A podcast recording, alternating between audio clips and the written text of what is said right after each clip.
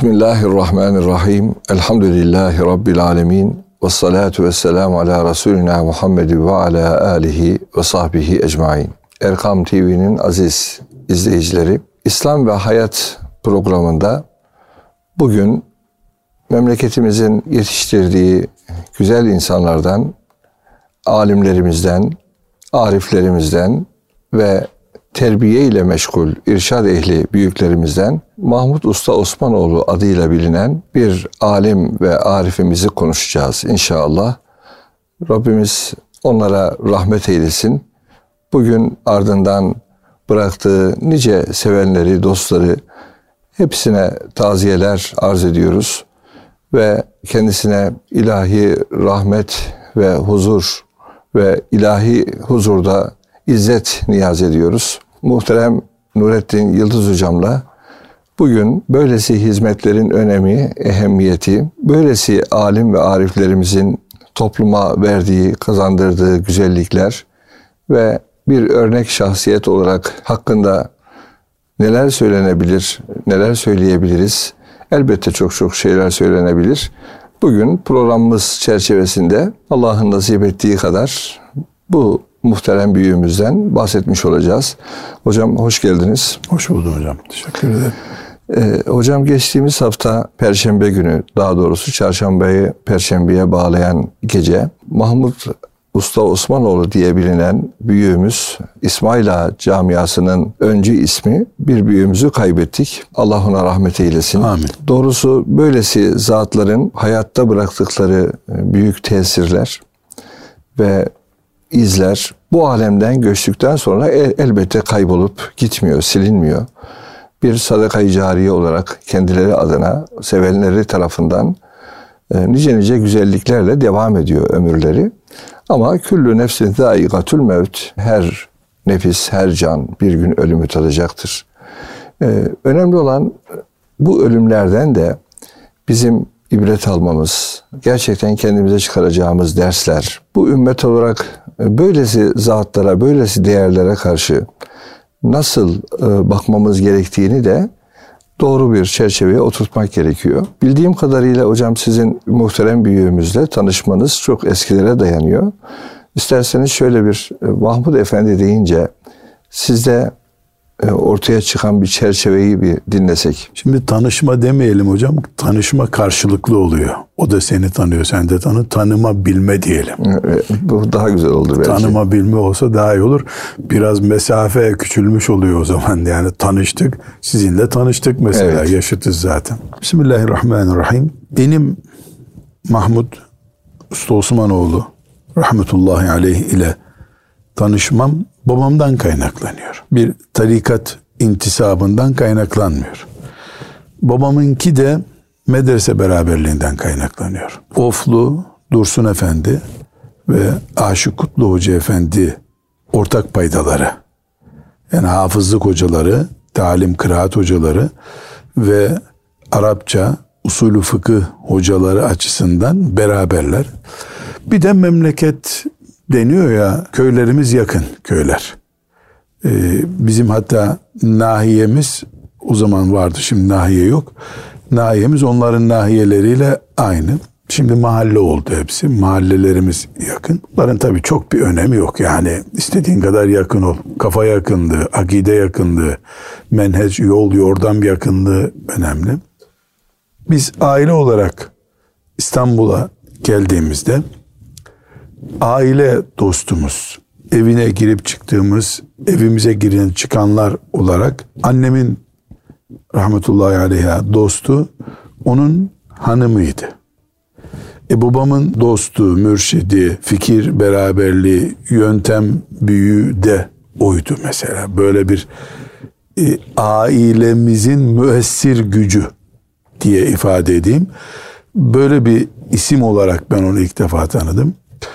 Ee, babam işte ben 5 yaşında hafızda başladığım günde başlama duamı ona yaptırdı. İşte bir hatim bitirince e, şu durumda ya rapor verir gibi gittik. İşte el öptürüldük diyelim ben. O yaşta gidip bilinçli bir şekilde elini öptüğüm yok tabi. E, el öptürülmeye götürüldüğümüz. Bir de kardeşlerimle bu vefat üzerine muhabbet ederken bir hatıramız daha canlandı. Annem e, hem fakru zaruretlikten dolayı hem de bir köy kadını olduğu için İstanbul'da ne yemek pişirilir fazla bir kültürü olan bir kadın değildi. Bir de kıt kanaat yaşanılıyor. Evimizde bize göre lokanta denecek. İki yemeğin piştiği zamanlar onun evimize geldiği zamanlardı. Biz yani bir Allah dostu evimize geliyordan çok işte annem mürşidi. Annem de onun tarikatına müntesipti. Şeyhim gelecek diye takatının üstünde denecek kadar güçlü bir mutfak hazırlığı yapardı. E, bu bizim için tabii bir tür e, mini bir bayram olurdu. Bir de onun geldiği günler e, benim derslerde rahatlık olurdu bir miktar tabii babam onunla meşgul olduğu için. Böyle ayda bir gelirdi zannetmiyorum ama senede 3-4 defa herhalde gelirdi. Yani böyle istatistik yok elimde. E, rahmetullahi aleyh. Bir Belki çocuk olarak dost, onu öyle hatırlıyorum. Hocam, bayağı bir dostlukları var o zaman. Yani bir böyle bir meşgul bir insanın senede 3-5 defa da olsa e, böyle dostlarını e haftada bir buluşmaları etmeleri. var ama. Hmm. Mesela babam onun her pazar günü e, yaptığı ders vardı. Önce İsmail Ağa'da e, sonra diğer Fatih'te bir iki camide sonra Yavuz Selim Camii'ne kadar taşındı. E, o derslere babam muhakkak gider beni de götürürdü. 1967-68'deki dersleri hatırlıyorum mesela yaptığı dersleri. E, hatta babaannem bizde ölümcül hasta olduğu bir hastalıktan yatarken ben Yusuf suresini tefsir olarak yaptığını hatırlıyorum. E, gelip evde onu babaanneme anlattım. Kadıncağız ölümcül hasta olduğu halde beni tatlı tatlı dinledi. E, bunları nereden öğrendin dedi. İşte bugün vaaza gittik dedim. E, mesela tefsir olarak Yusuf suresini 1969-70 yılında ondan dinlediğimi çok net hatırlıyorum. Belli ayetleri şimdi hatim okurken mesela tefsiri aklıma geliyor. 70, 71 o yıllarda onun tefsirlerini hatırlıyorum. Daha sonra onlarca tefsir kendim okusam da o daha kalıcı olmuş hatırlıyorum. Evet. Babamla beraberlikleri bir şeyh mürit beraberliği neticede taç olarak o noktada duruyor. Ama ondan önce e, beraber aşireyi takrib okumuşlar. Tasih-i Huruf okumuşlar Aşık Kutlu'dan. Gerçi e, o babamdan e, zannediyorum iki sınıf yukarıda. Şimdi sınıf deniyor da o zamanlar sınıf falan yok. Yaşına göre okunuyor. İkisinin de üstünde usulü fıkıh hocası olarak Dursun Efendi var. Dursun Efendi'den yön almışlar. Bu sebeple babamla beraberlikleri bir arkadaşlık beraberliği. Her ne kadar o 7-8 yaş daha büyük noktada duruyorsa da babamın onunla beraberliği çok köklü çocukluk denebilecek yıllara kadar gidiyor. Biraz da belki memleket beraberliği, uslup beraber memlekete gittin geldin filanca ne yapıyor olabilir. Bunu zanla söylüyorum. Annemle beraberlik söz konusu olduğunda şeyh ve müride beraberliği oluyor. Ee, Allah hepsine rahmet etsin. Ee, hanımı da annemin işte girip çıktığı bir kadın. Sonra çok uzun yıllar ev hastası olarak yatan bir hanımı vardı. Annem işte 15 günde bir mi ne kadarsa ziyarete gider. Oradan bize haberler verirdi. İşte kadıncağız şöyle hasta filan diye. Ama bunlar yani babamın öyle yüzlerce belki arkadaşı, çocukluk arkadaşı vardır. Neredeyse hiçbirisini hatırlamıyorum ben. Yani dolayısıyla ana çatı olan dava beraberliği çok önemli. Evet. Babamın bir de kıraatine çok önem verirdi. Mesela pazar günleri Mahmut Efendi Hazretleri'nin dersi kendisi işte okunan bir aşır olur. Hatmi Hacı'da aşır okunuyor zannediyorum. O aşırdan çıkıyor. Bursevi tefsirinden ders yapıyor. Bir saat, iki saat mevsimine göre ders yapıyor. O dersten sonra birisi çıkıp mektubat okuyor. O mektubattan sonra benim çocukluk yıllarımda Nurul İzah okunuyordu. İşte Hasan Efendi, şimdiki vekaleti alan Hasan Efendi. Öyle hatırlıyorum ben. İzah'tan okurdu. Onlar onar dakika tahminen okurlardı. Ondan sonra bir hafız çıkar, Kur'an-ı Kerim okur ve o Kur'an-ı Kerim'le haftanın dersi biter. Böyle bir hızlandırılmış eğitim kampı gibi. Sabah namazında başlıyor. Sabah dokuz buçuk onu bulurdu. Babama aşırı okuttururdu genellerde. Hafız ilmi buradaysa çıksın okusun gibi olurdu. Babamla anlıyorum ki ta o Aşık Kutlu Hoca Efendi'deki tasih huruf yaptıkları vesaire talim okudukları zamana ait bir beraberlikleri var. Ama hepsinin üstünde Mahmut Efendi rahmetullahi aleyh Kur'an'a ve Kur'an ilimlerine, Kur'an'ın dili Arapçaya adanmış bir ömürdür. Gerçekten bu 93 yıllık ömrün hafızlıkla başlayan sürecine baktığınız zaman neredeyse e, 88 senesi Kur'an'a ait. Senesi. Bu da 5 yaşında Allah. girmiş bu yola. 88 senesi Kur'an'a hizmete ait. Allah Şimdi Mahmut Efendi rahmetullahi aleyh büyüklüğü okul diplomasından gelmiyor. Elinde evet. büyük bir diploma yok. Aşık Kutlu yazılı bir kağıt vermiş. Buna diploman bu. Öyle çıkmış yola. Fedakarlıktan, samimiyetten ve tercih ettiği yaşam tarzından kaynaklanıyor. Evet. Şimdi babamla alakası güzeldi. Mesela ben özellikle Mekke'den geldiğim zaman elini öpmek için giderdim. Bismillahirrahmanirrahim. Selamünaleyküm. Aleyküm selam. E, hafız ilminin yani babamı kastederek hafızı çok kuvvetli. İyi hafızı yaptırıyor. Talimi güzel. Yani yaşamı, derdi, tarzı Kur'an-ı Kerim'e hizmet etmek. Evet. Tam böyle ama. Şimdi biz de Kur'an-ı Kerim'e hizmet için vakıflar kuruyoruz vesaire de bizimki içinde Kur'an hizmeti de bulunan bir çalışma. Evet. Onda öyle değil. Maza Kur'an. Hocam onun bir de böyle elbette Kur'an'ın tilaveti fakat o medreseye de çok ehemmiyet verdiğini e, görüyoruz. Yani mesela çevresinde olsun bulunan hoca efendilerin yetişme düzeylerine bakıyoruz. Demek ki onu bir sene de çok haftada önemsiyor. bir gün bir sene dinleyen birisi şu cümleyi en az 50 defa duymuştur. Her mahalleye bir medrese gerekir. Allah. Her mahallede bir medrese olsun. Hem de Kur'an kursunu da kastetmiyor. Yani, İslam ilimlerin okutulduğu e, bir... Çünkü Kur'an evet. kursu Diyanet İşleri Başkanlığı'nın e, işte hafızlık yaptırdığı bir yer. Onu öyle anlamıyor. Evet. Yani Elif cüzünden başlayıp Molla Cami'den bitecek bir Arapça istiyor. Buna medrese diyor. Medrese, medrese böyle 3 saatlik konuşmasında 20 defa sanki mükerrer konuşuyormuş gibi bilinçli baskı yapıyor. Mükerrer bir şekilde Kur'an medresesi. Bakın bu gökler bu sayede ayakta duruyor. Bazen bir mahallede yetmez. Her sokağa bir medrese lazım. Bu noktaya götürüyor. Maşallah. Ne, çok önemli. Ne büyük bir gönül değil mi hocam? Yani böyle kafa, hakikaten. böyle bir hayat tarzı bu. Bu kafa, bu anlayışla yaşanmış 93 sene. Subhanallah. Böyle bir ana babanın çocuğu ama. Böyle bu adanmışlık köklerden e, geliyor. Bir de hocam bizim gibi otel görmeden yaşamış. Yani biz lüks otellerde, konferans salonlarında o o camiden bu camiye, bu medreseden o medreseye berrak.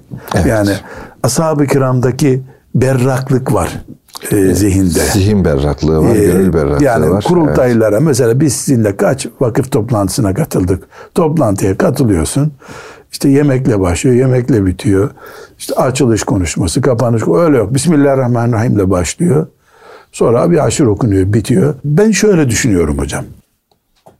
allah Teala e, Efendimiz sallallahu aleyhi ve sellem'den önceki peygamberleri peygamberler dizisi olarak gönderdi. Evet. Ölüyor bir peygamber, yani görevi bitiyor, öbür peygamber geliyor.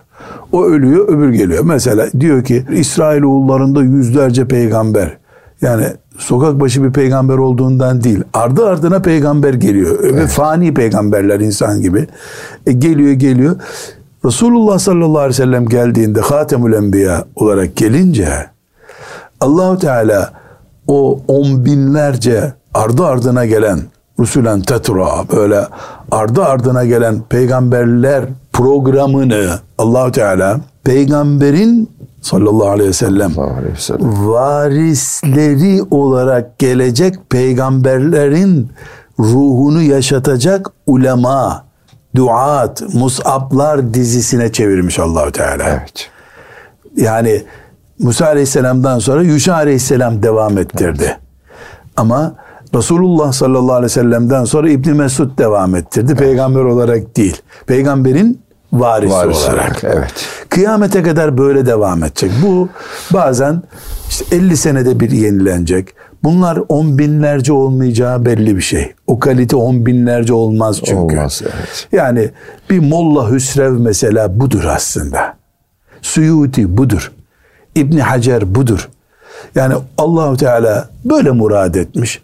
Başka türlü de murad edebilirdi. Peygamberliği hariç, peygamberliğin görevi, misyonu, birikimi bunların dilinden devam edecek. Evet. Ne mutlu yani bunu böyle takdir edip bu görevi ifa eden Suyutilere, İbn Hacerlere, işte Abdülkadir Ceylani bunlardan birisi değil mi mesela? Ümmetin parayla buluştuğu, fetihlerle buluştuğu zamanda Abdülkadir Ceylanilerin görevi buydu. Evet. Yani bu, bunu yaptılar. yaptılar. Unutulmaması için gayret ettiler. allah Teala'nın bu seçmişliğine yani istifa deniyor ya. Evet, evet. Bu seçmişliğine değer verdiler. Diplomanın peşinden gitmediler. Force'un peşinden gitmediler.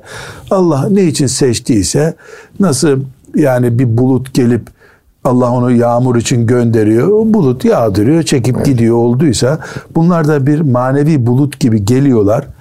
Bunu değerlendiremeyenler de oluyor tabi. Bu Mahmut Efendi rahmetullahi aleyh seçme noktasında Allah onu bu seçtiği görevi son nefesine kadar ifa etti. Evet. Bu, bunun meselenin özeti bu. Evet. Bu sebeple Mahmut Efendi nerelidir? Ofludur. Of'ta doğmuş büyümüş. Ofi olarak anılması hiç hoş değil hocam. Neden? Medinelidir o esasen. Yani evet. Of'ta doğmuştur, İstanbul'da yaşamıştır ama Medine'nin enerjisini dağıtacak bir regülatördür o. Evet. Dolayısıyla bu tip zatlar evet nereli oldukları bilinmesi bakımından şuralıdır şöyledir denir ama esasen Medine'nin enerjisini insanlığa yaymak için vardırlar. Müslümanların yani sen oflusun ama Diyarbakırlı senin cenazene geliyor. Kıbrıs'tan evet. cenazene geliyor insanlar. Evet. Almanya'dan cenazene geliyorlar. Evet. Neden? Seni kimse Oflu bildiğinden, İstanbullu bildiğinden, Bursalı bildiğinden değil.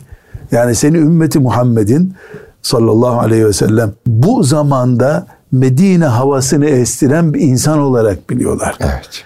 Buradaki ömrün bu samimiyetle geçmiş oluyor. Kıyamete kadar da böyle anılacaksın. Evet. Hocam bu tür zevatın e, gerçekten buyurduğunuz gibi o Medine'nin iklimini yani Resulü Zişan Aleyhisselatü Vesselam'ın halini kendi çağlarına taşıyan kimseler olarak bir ümmet değeri olarak bütün ümmetin sahiplenmesi gereken bir değer olarak takdimi son derece önemli.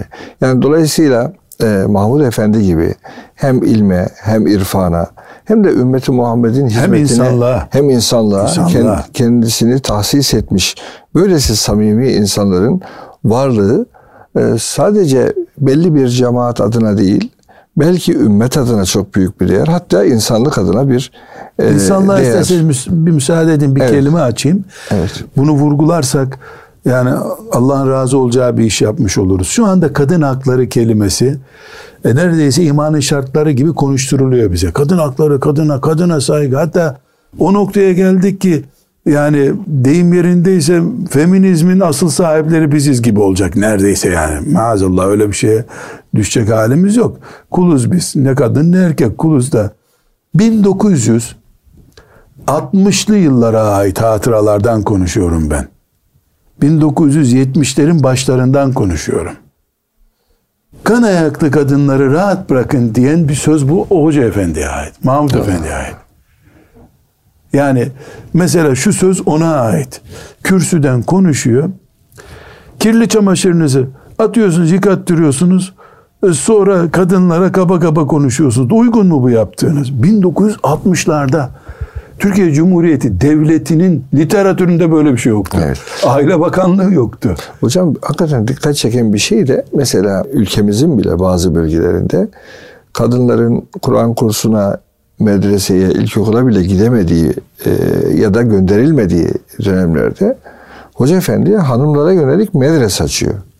Hocam iki şey eğitimde Evet. İki şey Mahmut Efendi'ye aittir. Bunu Türkiye Cumhuriyeti Devleti de sahiplenemez. Bir, kadına özel eğitim ona ait. Evet. İki, Arapça Arap dili değil, din dilidir. Evet. Arapça öğrenmeyi Bedir'de cihad etmek noktasına getirdi. Allah razı olsun. Bu ona ait hocam. Evet, Doğu'da da mesela büyük medreseler onun zamanında da vardı. Onun zamanı derken ben 60'lı 70'li yılları kastediyorum hocam. Çünkü 20 senedir yaklaşık olarak Tabii. e, sağlık derdiyle meşgul. Sadece seyredebilen konumdaydı. En az 10 sene belki de 20 seneye yakın bir zaman. İki şeyi Allahü Teala tecdid etmeyi ona nasip etti. Birincisi Arapça Arapların dili değil kelime-i tevhidin dilidir. Bunu oturttu hocam. Yani düşünebiliyor musun? Bakkal 45 yaşında akşam İsmail'e gel Arapça öğrensen. Ahirete gideceksin. diyor. Nalbur'a Arapça öğretiyor. Babamın da dostu, onun çok değerli bir müridi. Konfeksiyoncu. Ee, babamın da memleketten tanıdığı birisi. Ben Mekke'de talebeyim. Geldi beni buldu. Bana hediyeler getirdi İstanbul'dan.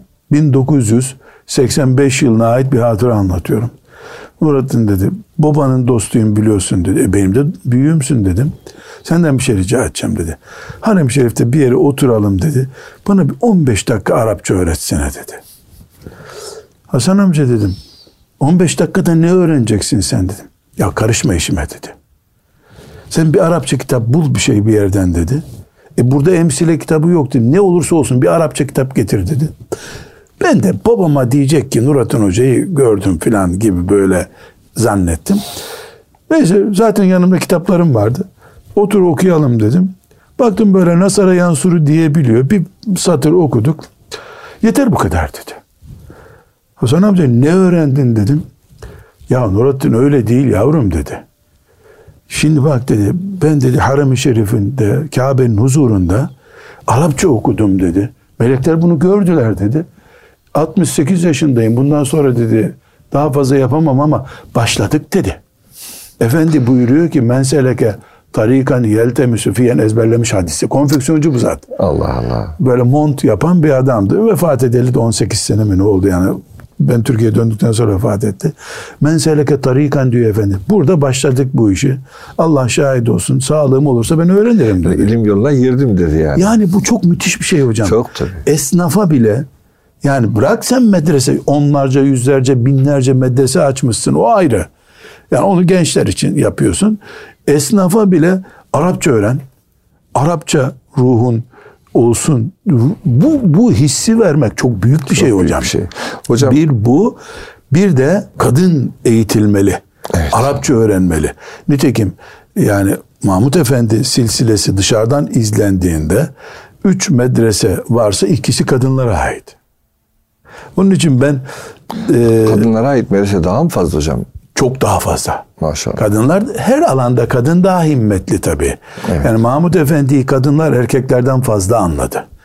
Herkes cenazesindeki muhteşem görüntüyü konuşuyor ama o görüntüde hiç kadın yoktu. Yok. Bunu konuşmuyor. Çünkü vasiyeti kadınların cenazeye gitmemesidir. Neden? Hanefi mezhebinde mekruhtur kadınların cenazeye gitmesi. Tam bir Hanefidir. Mütehannif düzeyde bir Hanefidir. Dolayısıyla kerih görmüştür. Allah da nasip etti. Vasiyetinde kadınlar cenazesine git. Bir de kadın olsaydı o zaman Silivri'den Fatih'e kadar o cenaze kılınırdı herhalde. Maşallah. Bu Allah'ın sebeple. Mahmut Efendi Nakşi'dir, Ofi'dir, e, ondan sonra şu tarikattır. Cenazesi şöyle bundan ziyade medreseler sultanıdır. Maşallah. Medrese mücahididir yani. Evet. Böyle anılması lazım. Evet. Hocam e, inşallah e, programımızın ikinci kısmında yine konuşmaya devam edeceğiz. E, kısa bir ara verelim inşallah. Erkam Radyomuzun aziz dinleyenleri, Nurettin Yıldız Hocam'la İslam ve Hayat programında Mahmud Efendi Hazretlerini konuşuyoruz. Evet hocamızın medreseler sultanı olduğunu yani gerçekten medrese açan, medreseye son derece değer veren, özellikle hanımlar alanında onların okumasını, tahsilli olmasını isteyen bir büyüğümüz olarak takdim ettik. Şimdi e, bir şey daha üstadım. Şimdi belki birçok medrese hocası var. medrese hocalar var, medreseler var. Fakat Mahmud Efendi'yi farklı kılan hususiyetlere biraz ağırlık versek. Evet e, medrese ilimleri son derece önemli. Fakat o medrese ilimlerinin hale dönüşmesi anlamında o terbiyeye de en az medrese kadar ehemmiyet verdiğini görüyoruz. Sünnetin yaşanmasına, Kur'an ahkamının titiz bir şekilde yaşanmasına yönelik de çok hassas bir azimetle ameli diyelim. Bunu öne aldığını fark ediyoruz. Bu noktalarda neler konuşulabilir? Şimdi hocam usulü fıkıhta mukallit diye bir kelime var ya. Evet. Yani taklit eden. Mahmud Efendi rahimahullah ben iki sene önce onunla ilgili e, 30 bölümlük bir konuşma yapmışım. O zaman hep sellemehullah diyorduk, yaşıyordu. Ya. Şimdi Rabbim böyle lütfetti, rahmetullahi aleyh diyoruz. Hocam mukallitliği yani fıkıhtaki mukallit olmayı, taklit etmeyi zirvede yaşamış birisidir. Mucit değildir, mukallittir. Evet. Ne demek bu? Bunu neyi kastediyorum? Ulemasından Ömer Nasuhi Bilmen'den Ne geldiyse gördüğü şeyi yüzde yüz taklit etti. Yüzde yüz tak. Mesela ben de medrese açtım. Siz de açtınız. Filanca da açtı. Mesela Emsile kitabının hocasından gördüğü baskısıyla okunmasını istedi. Biz de Emsile kitabını okuyoruz. Modern dizgilisini alıyor. Modern dizgiliyi istemiyor. Taklidi yani samimi bir şekilde peşten gitmeyi bu derece üstün Önemsiyor. bir şekilde uyguladı. Bu Resulullah sallallahu aleyhi ve sellem önderim dedi. Onu asla yani sünnet diyelim ona biz. Sünnetin dışında bir hayat tarzı yok. Ona ayaklarınla yere basmak mekruhtur. Ellerinle yürüyeceksin. Sünnettir böyle denseydi varsayım. Herhalde ayaklarını kullanmazdı hayat boyu. O derece. teslimiyet böyle bir şey herhalde. İman böyle bir şey. İman böyle bir şey. Büyüklük böyle bir şey. Hatta o kadar ki esnetilebilir boyutu bunun olsa bile ona göre esnemiyor. Hani Fudayillerden naklediliyor ya başkalarına mubah olabilir bize göre onlar mubah değil. Çünkü zirvede duruyoruz biz. Yani sen yüzde bir esnettin mi aşağıdaki yüzde beş yüz yapıyor bunu diyor ya. Bu şekilde sünnete sarılmış meşayihi, uleması, ders okuttuğu talebeleri müthiş bir bağlantılı. Şimdi bir örnek vereceğim.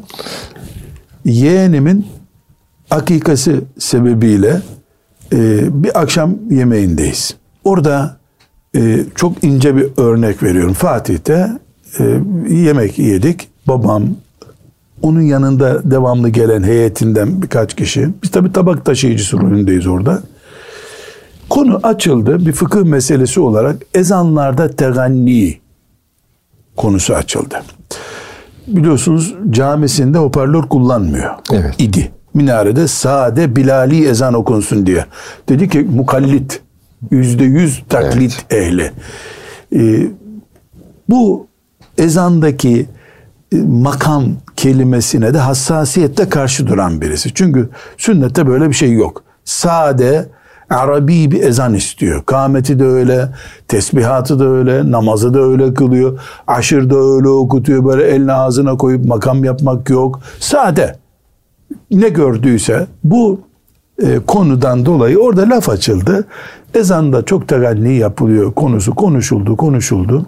Tabii ki oradaki herkes başta babam olmak üzere müteganniler bid'attir dendi. Onlara sessiz dinledi. O arada söz bitti. Başka konuya geçilecek gibi olunca dedi ki ama dedi Mahmut Efendi'ye ait bu söz. Evet. Dursun Efendi rahmetullahi aleyh ezan ilamdır derdi dedi. Bunu da bir kenarda tutalım dedi. Şimdi ezan ilamdır kelimesi biraz bunu Türkçeleştirmem lazım. Dursun Efendi dediğimiz e, Demek Çalekli Dursun Efendi. Fakih bir zat demek aynı zamanda. Dursun Efendi. Evet. E, müderrisil am İstanbul Üniversitesi'nin müderrisi amı olarak e, sürgün edilmiş bir tür Trabzon'a geri gönderilmiş. Osmanlı müderrisi amı. Daha çok kelam konularında ama usulü fıkıh uzmanı, fakih bir insan rahmetullahi aleyh. O o kadronun işte Abdullah Usta Osmanoğlu, Mahmut Usta Osmanoğlu, Ahmet Vanlıoğulları, babamlar o kadroya Molla Hüsrev okutmuş birisi. Yani fıkıh, usulü fıkhın zirvesini göstermiş onlara.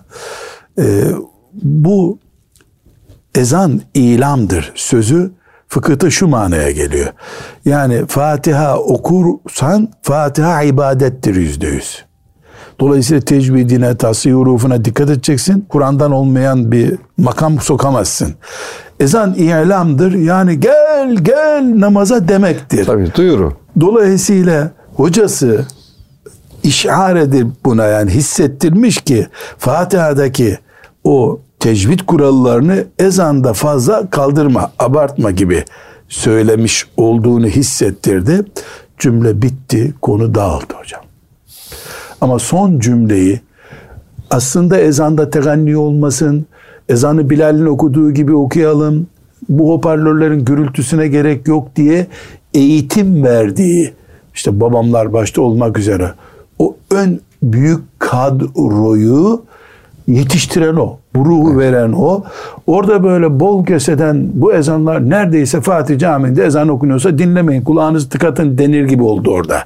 Biraz abartıldı konu. Konuyu kapatırken hocamız ezan ilamdır demişti. Dedi. Orada kendi verdiği eğitim ki fıkıh bilgisinden dolayı verdiği eğitimi bile hocasının sözüyle kapattı. Evet. Hocam, Halbuki uyguladığı o değildi. Dursun Efendi'den öğrendiği ezan ilamdır uygulamıyor. Evet. Ama silmiyordu Hoca evet. Efendi'yi kafasından. Hocam bir şey daha. Ee, Allahu alem onun o samimiyetinden, o peygambere tebaiyetinden, yani tabi oluşundan, o mukallitlik de yanlış anlaşılmasın. Tabi tebaiyet anlamında bir mukallit diye. Usulü e, fıkıhtaki, usulü fıkıhtaki e, evet. konuyu konuşuyoruz. Hani mukallitlik yanlış... Türkçe'de başka bir manada evet, hocam. Onu evet. konuşmuyoruz. Ee, şöyle şunu diyeceğim hocam.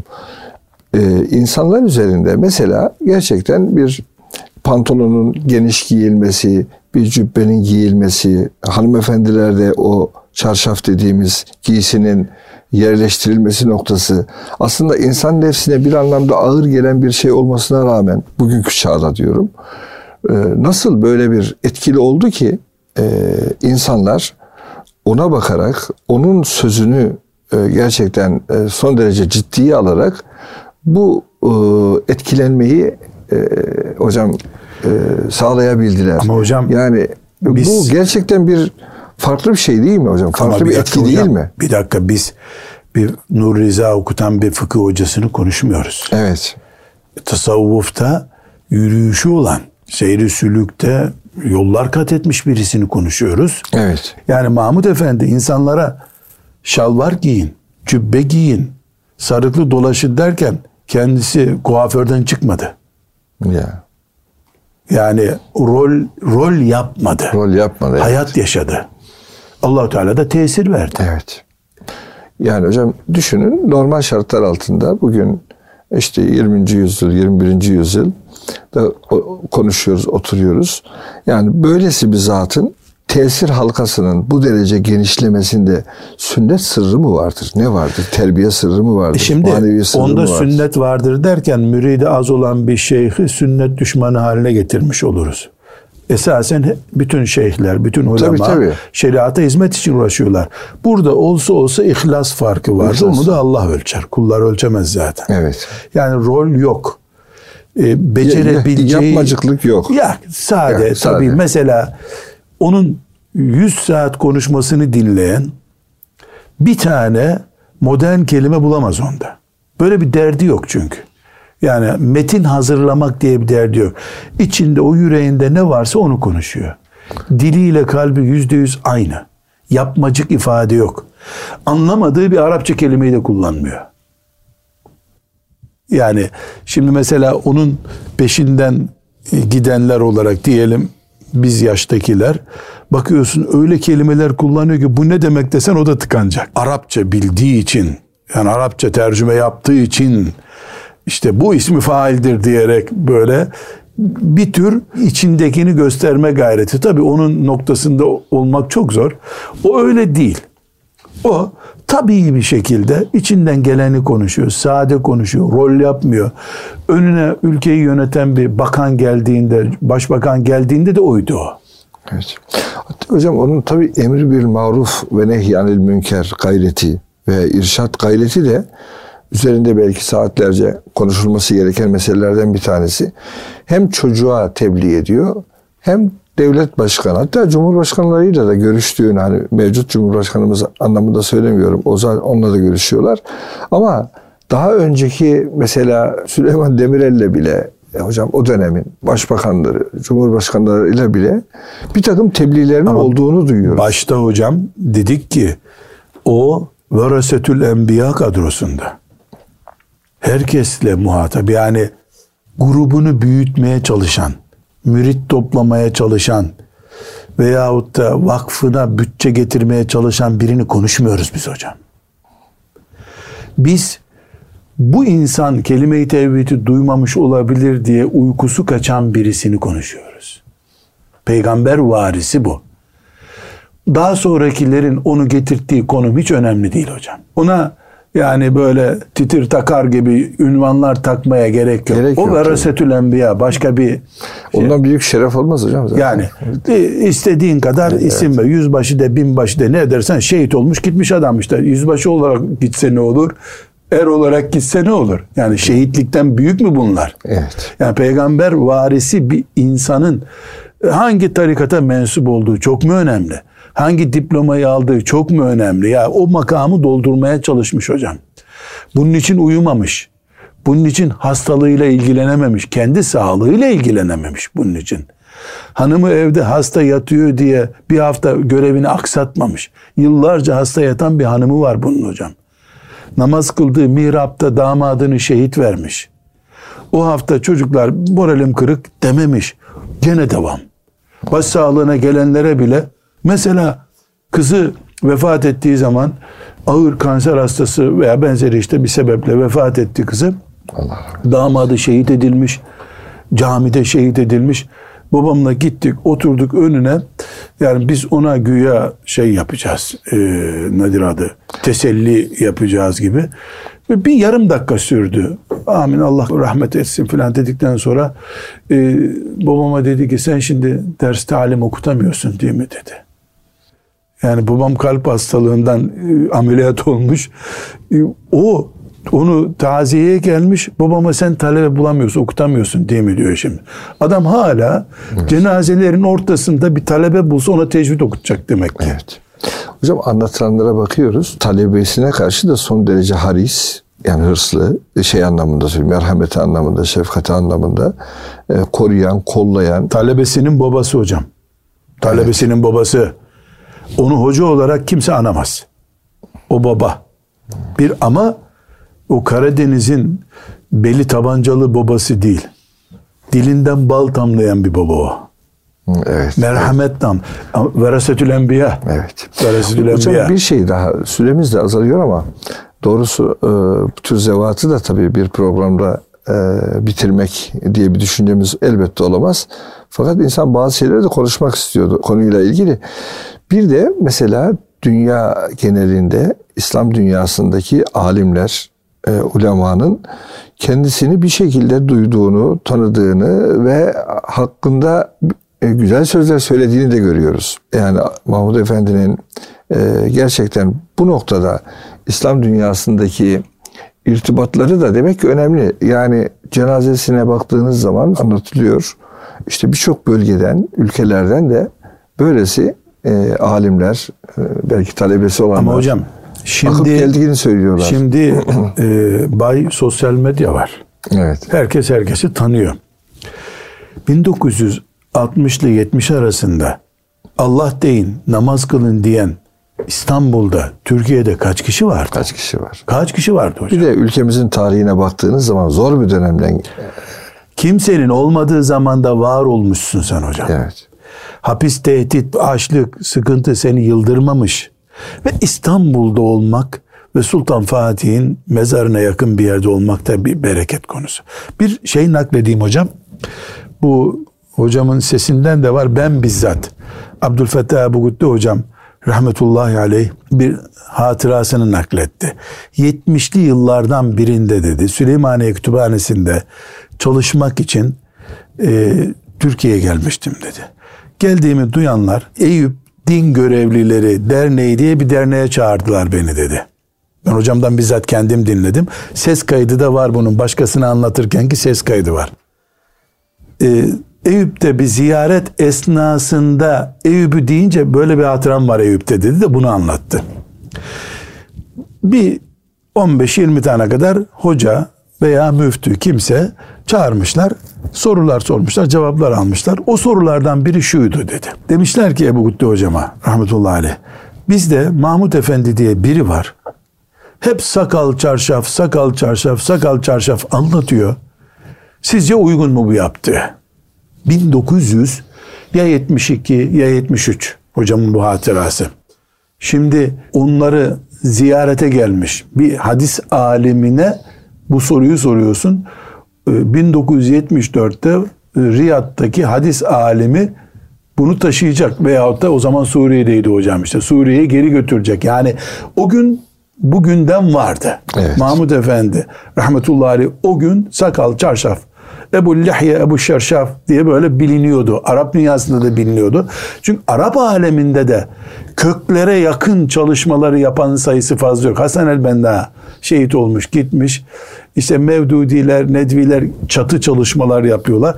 Bir konuyu böyle köklerinden asılıyorsun. Çarşaf ve işte buna çarşaf deniyor da adı savaş, tesettür savaşı aslında. Tabii, tabii. Çarşaf savaşı değil bu. Sakal dediğin sünnet simgesi. Tabii, tabii. O da ona demiş ki çok güzel bir hatıra. Hoca efendiler demiş. Ne diyorsunuz yani sakal ve çarşaf dinden değildir mi demek istiyorsunuz? Demiş. Biri de demiş ki öyle değil. Ama yüzde ikisi dinin bu. Yüzde 98'i geride daha. Yani sakal ve çarşaf yüz konumuzdan ikisi. Demişler, cevap vermişler hoca efendiye. O da demiş ki, e niye nankörlük yapıyorsunuz demiş. Bakın iki tanesini o aldı 98'ini size bıraktı. Siz de gerisiyle ilgilenin demiş. Rahmetullahi Şimdi evet. yani biz diyoruz ses getirmiş. E, evet. E 1970'lerde tuttuğunu ıslah etmeden bırakmayacak bir heyecan ve samimiyetle evet. çalışıyorsun. Evet. Yarım asır hocam. Evet. Hocam geçen bu sosyal medya mesajlarından bir tanesinde Ahmet bin Hanbel rahmetullahi aleyhe nispet edilen bir söz okudum. E, kendi döneminde tabii e, çok çile çekti o imamımız. Allah ona rahmet eylesin. E, ona ait şöyle bir söz. Yarın cenazede belli olacak kimin ne olacak. Randevumuz cenaze günüdür. Evet randevumuz cenaze günüdür. diye söylediği bir sözdür bu. Öyle mi? Mutezile'nin başı. E, demek ki o zatın da cenazesi muhtemelen çok daha e, farklı olmuştur. Ahmet bin Hanbel'in cenazesinde o günkü dünya nüfusuna ölçüldüğünde milyon insan varmış hocam. Allahu Ekber. Aha. Evet, evet. Ahmet bin Hanbel'in cenazesi hala öyle evet. hocam. Bugün tabi hocam bu tür zevat hakkında hali hayatındayken Tabii ileri geri konuşanlar oldu. Vefatında da konuşanlar oldu ama o cenaze tablosu da hocam o tabloda hakikaten baktığınız zaman hepsi mümin insanlar. Ve o imanlarının gereği e, belki hem duruşlarıyla e, oradaki e, tablo ta Cumhurbaşkanımıza varıncaya kadar efendim her seviyeden insanın sahiplenişi de aslında hem ona bir gerçekten iyi bir vefa oldu hem de doğrusu ne bileyim sanki bütün müminlere de çok e, ibret oldu. İbret oldu. Artı Allah ve Resulüne sımsıkı bağlanmanın e, daha dünyada iken e, sanki Yüce Rabbimiz tarafından bir ikramının nasıl olacağına dair bir beşaret oldu. Yani onun hakkında doğrusu hani herkesin konuştuğunu buraya e, nakletmeye gerek yok ama hani e, sanki bir cemaat liderinin ya da efendim e, bir tasavvuf büyüğünün böyle bir sahiplenişini yadırgayanlar oldu. Devlet tarafından. Ezanı da yadırgayan var hocam. Ezanı da yadırgayan yani, var. Olsun. Yani başkaları yadırgıyor diye bakmak ne kadar insafsızca bir şey. Bu tür bakan hep hali hayatında belki Hazret hakkında ileri geri e, konuşan, değerlendirme yapan yazarlardan bile e, ya bu kadar da olmaz bak. Bu kadar değerli bir e, madem ki ülkemize hizmet etmiş bir insan saygılı olmak lazım diye bir çıkışlar da var. Ufak tefek de olsa çıkışlar da var. Yani böylesi zatları hocam ümmetin bir değeri insanlık alemine efendim bir örneklik teşkil edebilecek çalışmaları olan bir büyük olarak takdim etmek e, daha güzel değil mi? Ama hocam burada yatınmadığım bir nokta var. Hı hı. Mahmut Efendi'yi veya Ahmet bin Hanbeli veya bir Allah dostunu cenazesiyle ölçmek yanlış bir şey hocam. Elbette yanlış hocam. Yani böyle bir ölçüm yok, yok sadece, sadece cenazeyle ölçülmez. Evet. O cenaze görüntüsü müminlerin içlerinden bir Allah dostuna sahip çıkmaları kabul. Ama biz cenazelerimiz kalabalık olsun diye onu çalışırken görmedik. Tabii. Tabii. O. Onu ben ona tabii olarak Cenab-ı Hak gönderiyor o, hocam. O günlük o, bir refleksti. Evet. Gerekliydi. Ama Mahmud Efendi'ye bu cenazenin fotoğrafını mı asalım? Ne dersin? Yani o görkemli uydudan çekilmiş fotoğrafını asalım mı camiye desek ne evet. diyeceğini tahmin ediyorum. Emsil okutun bir çocuğa boş ver bunu diyecektir. Evet. Hatta fotoğrafa karşı o kendi sağlık durumu iyi olmadığı zamanlar bol bol fotoğrafı çekildi. 60-70 yaşında hiçbir fotoğrafı yok neredeyse. Nüfus kağıdı için kullandığı fotoğraftan başka fotoğrafı yok. Gözleri tam görmeden önünde fotoğraf çekildi hocam. Niye?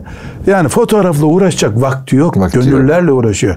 Mahmut Efendi için o cenazenin görkemi yani bu allah Teala'nın bileceği işte bunları karıştırmayalım deyip ihlas gereği gizleyeceği, sümen altı yapacağı şeylerdir. Onun 10 dakika daha vakti olsa eşinden boşanmasın diye bir kadıncağızı kurtarmaya gideceği bir ziyarettir. Bir müminin evine gidip kahvaltı yapıp ona dua etmek arzusudur. Mümin insanlar, Allah dostları, gösterişli alakaları olmaz. Eğer biz Mahmut Efendi'nin Arapçasını, tesettürünü, ümmet şuurlu adam oluşunu, kendisi bir nakşi olduğu halde, belli bir tarikat erbabı olduğu halde, belli bir mezhebi maturidiyi tuttuğu halde, bunları değil Allah'ı ve peygamberi sürekli gündeme getiren anlayışı, bu ihya edilmedikten sonra kıyamet günü o cenaze fotoğrafıyla biz Allahu Teala'nın rızasını kazanamayacağız. Evet. Davası cenazesinden daha değerli olacak. Elbette, elbette. Tutulmalı. Evet. Ama o davayı sürdürmekte zorlandın mı e, cenazeyi şişirip Tabii. durursun. Hocam bazen de şöyle oluyor yalnız hakikaten çok e, gitmekte zorlanabileceğiniz meşguliyetleriniz var, şu var, bu var ama böylesi bir zat vefat ettiğinde de diyorsun ki en önemli işim benim bugün diyorsunuz. Her türlü zorluğa rağmen, karkışa rağmen bu cenazede bulunmam lazım diyorsunuz. O benim vefam. Ha. Onunla işte ilgili bu, değil o. Yok. O benim görevim. Zevata yönelik böyle bir e, cenazeye e, namazını kılma adına yöneliş de sanki hocam iradeyi zorlayan, insanın kendi içinde iradeyi zorlayan bir vefa zorlaması gibi. Herhalde. Evet. Herhalde evet. tabii canım. Tabii. Evet. Ama hocam evet bu vefayı göstermiş olmak görevimizi bitirmiyor. Bitirmiyor, bitirmiyor tabii. Ondan sonraki vefa açtığı çığır. Evet. Ondan sonraki çok önemli. Modernizasyona uğratılmamış yapısıyla mesela medya ile değil gönül gönüle çalışın. Evet. Diz dize gelin talebeyle diyen anlayışının devam ettirilmesi evet. lazım. Evet aziz dostlar e, doğrusu e, konuşulacak çok mesele var ama süremiz kısıtlı. Tekrar e, Cenab-ı Hak'tan Mahmud Efendi Hazretlerine de rahmetlerini yaz ediyoruz. Başta aile yakınları olmak üzere tüm sevenlerine, tüm dostlara hatta tüm ümmetimize başsağlığı e, diliyoruz. Rabbimiz cümlemizi böylesi e, büyük zevattan hem hayatında hem vefatından sonra eserlerinden istifade edebilmeyi nasip ve müyesser eylesin efendim. Allah'a emanet olunuz.